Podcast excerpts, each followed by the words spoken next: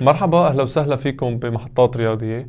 رجعنا لكم مع المونديال. بنبلش بالمباراة الأولى بين المغرب وكندا. المباراة اللي فاز فيها المغرب 2-1 بنحب نقول ألف مبروك لمنتخب المغربي لتأهله لدور ال 16 ولمدرب المنتخب آه، وليد الركراكي بكونه أول مدرب عربي تأهل لدور ال 16 شوط أول أكثر من رائع من المغرب يلي بلش المباراة بالضغط العالي. لتسجل الهدف الأول عن طريق زياش بعد استغلاله خطأ من حارس المرمى كندا. بعد الجول الأول تراجعت المغرب لتلعب على المرتدات وبالأخص من جهة أشرف حكيمي وزياش. بالدقيقة 23 تمريرها من حكيمي ليوسف نصيري اللي استطاع تسجيل الهدف الثاني. وبالنهاية الشوط الأول تسجل هدف عكسي عن طريق مدافع المغرب.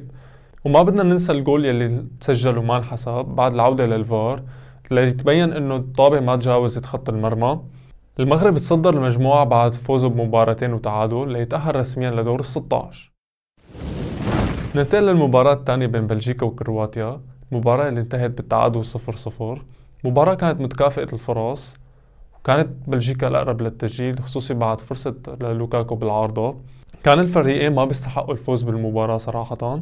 بلجيكا وكرواتيا اللي ما قدموا الأداء اللي بيشفع لهم بالتأهل للدور 16 وخصوصي بلجيكا اللي من المباراة الأولى كانت سيئة وما شفنا الأداء مثل ما كان بالمونديال الماضي.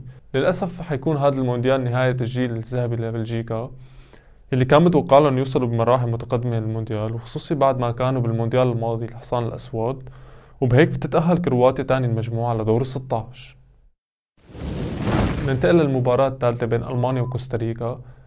المباراة اللي انتهت بفوز ألمانيا 4 2 حفلة الجوال هي اللي صارت كلها بلا طعمة وعلى الفاضي وما بتأهل ألمانيا.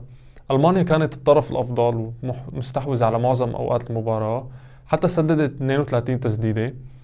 ألمانيا خسرت التأهل من المباراة الأولى برأيي بعد خسارتها مع اليابان واتكلت على فوز ألمانيا آه، فوز إسبانيا بالمباراة الأخيرة. تغير مين كان بده يتأهل شي ثلاث أربع مرات ضمن المباراة. حتى شفنا كانت اليابان وكوستاريكا هن اللي حيتأهلوا وبهيك رسميا بنقول لألمانيا bye bye.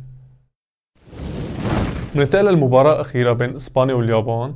المباراة اللي انتهت بفوز اليابان 2-1 شفنا استحواذ إسبانيا على معظم أوقات المباراة حتى وصلت نسبة الاستحواذ ل 82% الكل بلش يحكي ويقول إنه مؤامرة ومباع اللعبة كرمال بس تطلع ألمانيا. أكيد ما في شيء من هالحكي لأنه عشوائي كانت حتطلع إسبانيا من المونديال. اليابان فريق منظم قوي.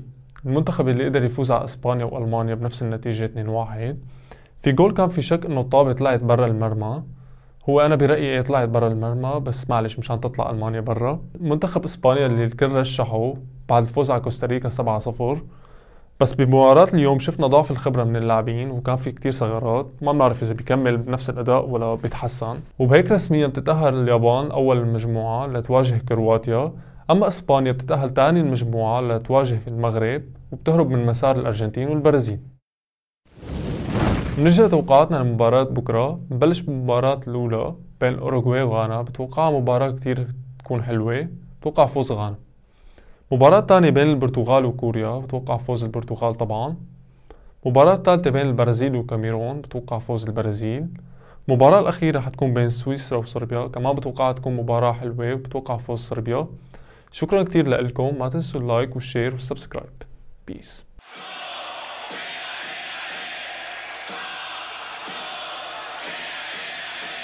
محطات رياضية.